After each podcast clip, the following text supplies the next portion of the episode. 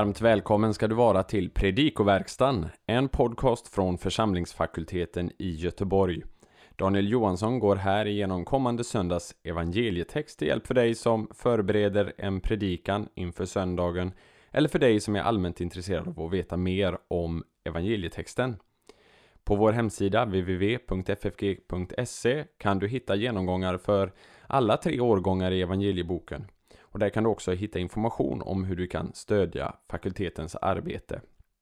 Men nu, en genomgång av kommande söndags evangelietext. Vi önskar dig god lyssning. Evangeliet för andra årgången på sjätte söndagen efter trefaldighet kommer från Matteus 16, verserna 24 till och med 27.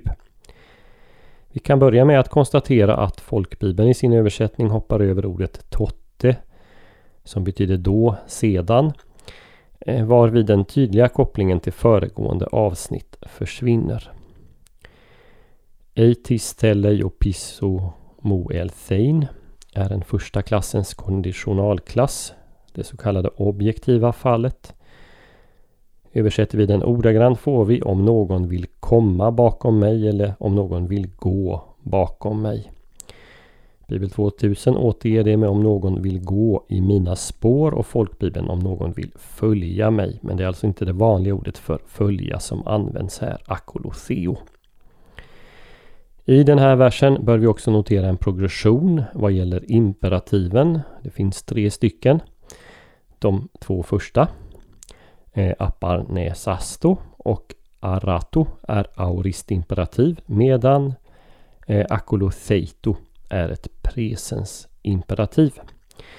En del drar av detta slutsatsen att förnekelsen av sig själv respektive upptagandet av korset eh, står vid början av lärjungaskapet medan efterföljandet beskriver den fortsatta viljan att hålla sig på den valda vägen.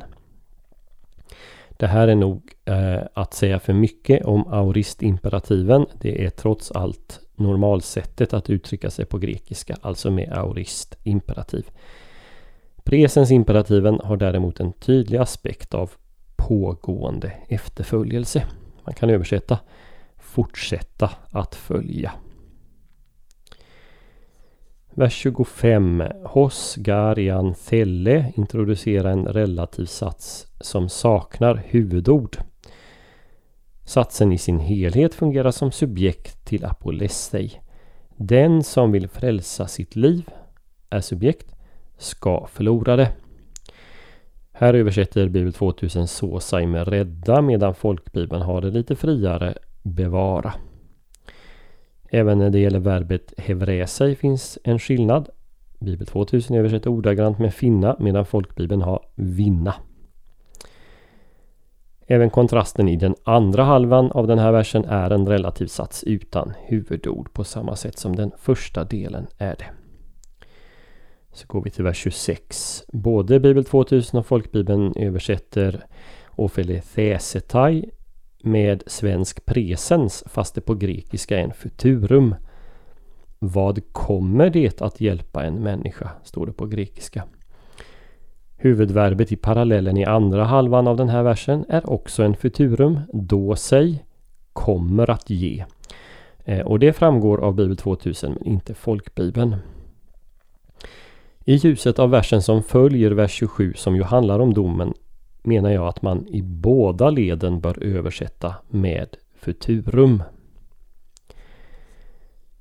Verbet Semiothe återges också lite olika av de svenska översättningarna. Folkbibeln 98 med ta skada. Bibel 2000 betala och Folkbibeln 15 förlora. Grundbetydelsen av det här verbet är att förlora något som man tidigare ägt. Även substantivet antallagma som bara förekommer i Matteusevangeliet återges olika. Eh, det är ett substantiv men eh, översättningen använder verb för att återge tanken. Folkbibeln 98 ge utbyte, Bibel 2000 betala tillbaka med och Folkbibeln 15 ge till lösen. Eh, grekiska lexikon definierar ordet så här. Något givet i utbyte. Genitiven som bestämmer det här, ts psyches auto, förstås av en del som prisets genitiv. Men här måste det snarare vara fråga om en objektiv genitiv eftersom själen eller livet inte utgör betalningen för det som inte kan köpas. Det handlar ju om att ge något i utbyte mot sitt liv. Bibel 2000 översätter psyche med liv medan folkbibeln eh, översätter med själ. Båda är möjliga och vi återkommer eh, till det lite senare. Till sist en kommentar till eh, Metaton Meta ton angelon auto i vers 27. Eh, det possessiva pronomenet auto här kan faktiskt syfta både på människosonen Jesus och fadern.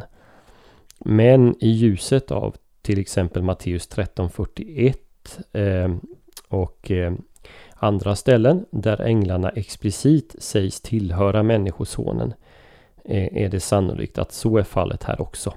Och så översätter både folkbibeln och Bibel 2000 det är människosonens änglar. Den här texten tar upp lidandestanken som finns i de föregående verserna. Eh, men här tillämpas de på lärjungen.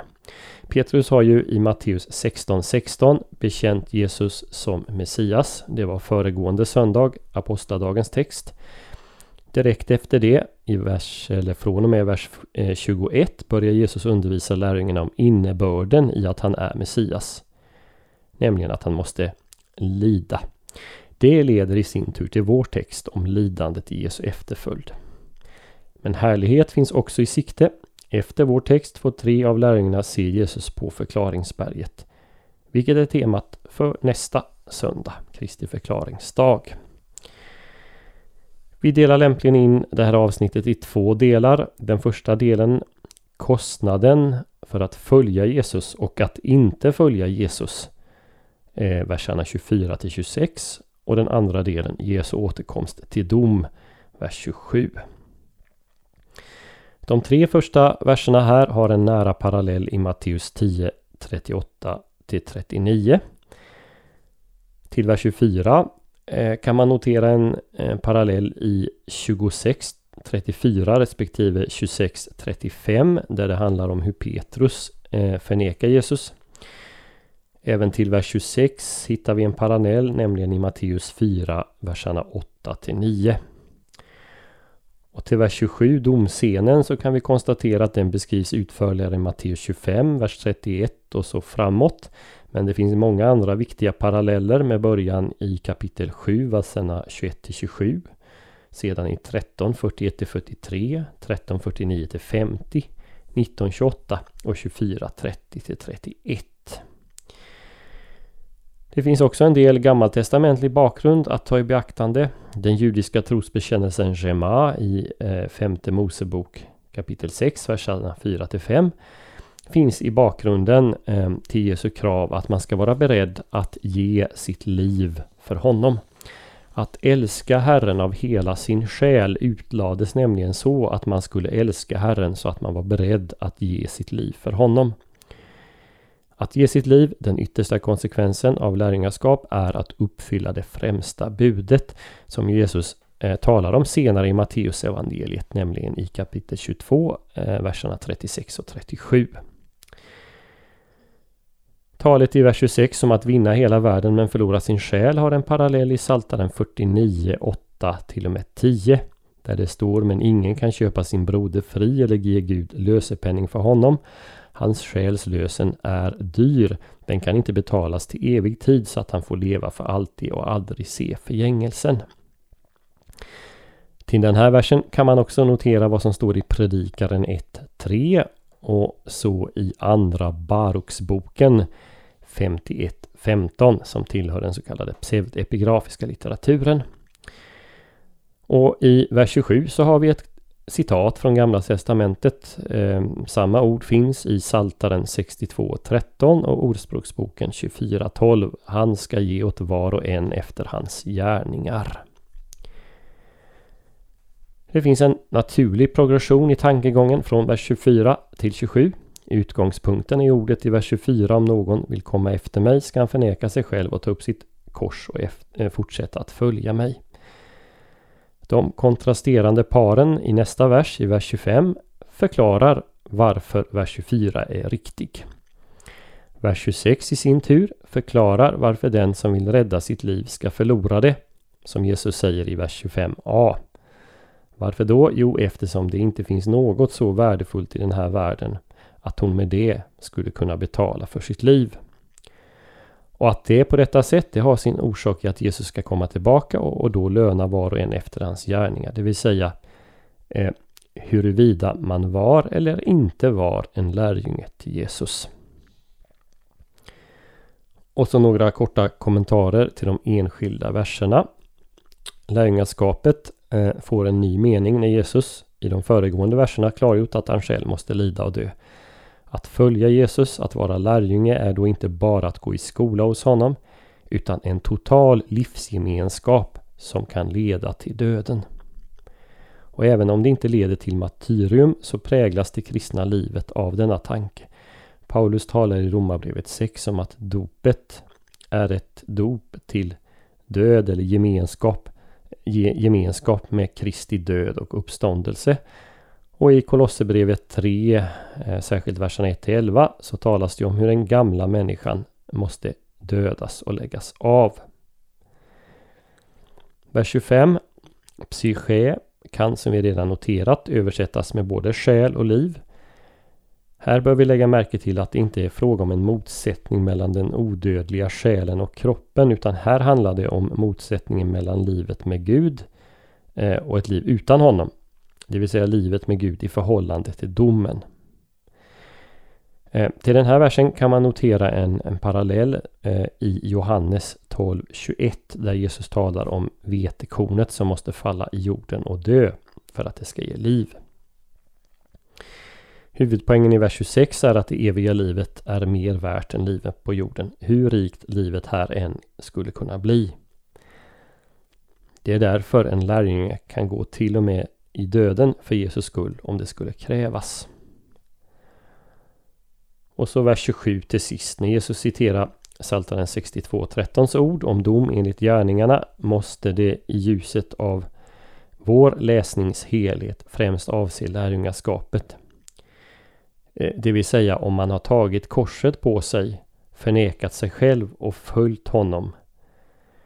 Eller som Jesus uttrycker saken i slutet av bergspredikan, huruvida man hört Jesu ord och handlat efter dem. Det är de gärningarna som ska dömas. Och det här senare, det är ämnet för evangelieläsningen om 14 dagar, nämligen på den åttonde söndagen efter trefaldighet.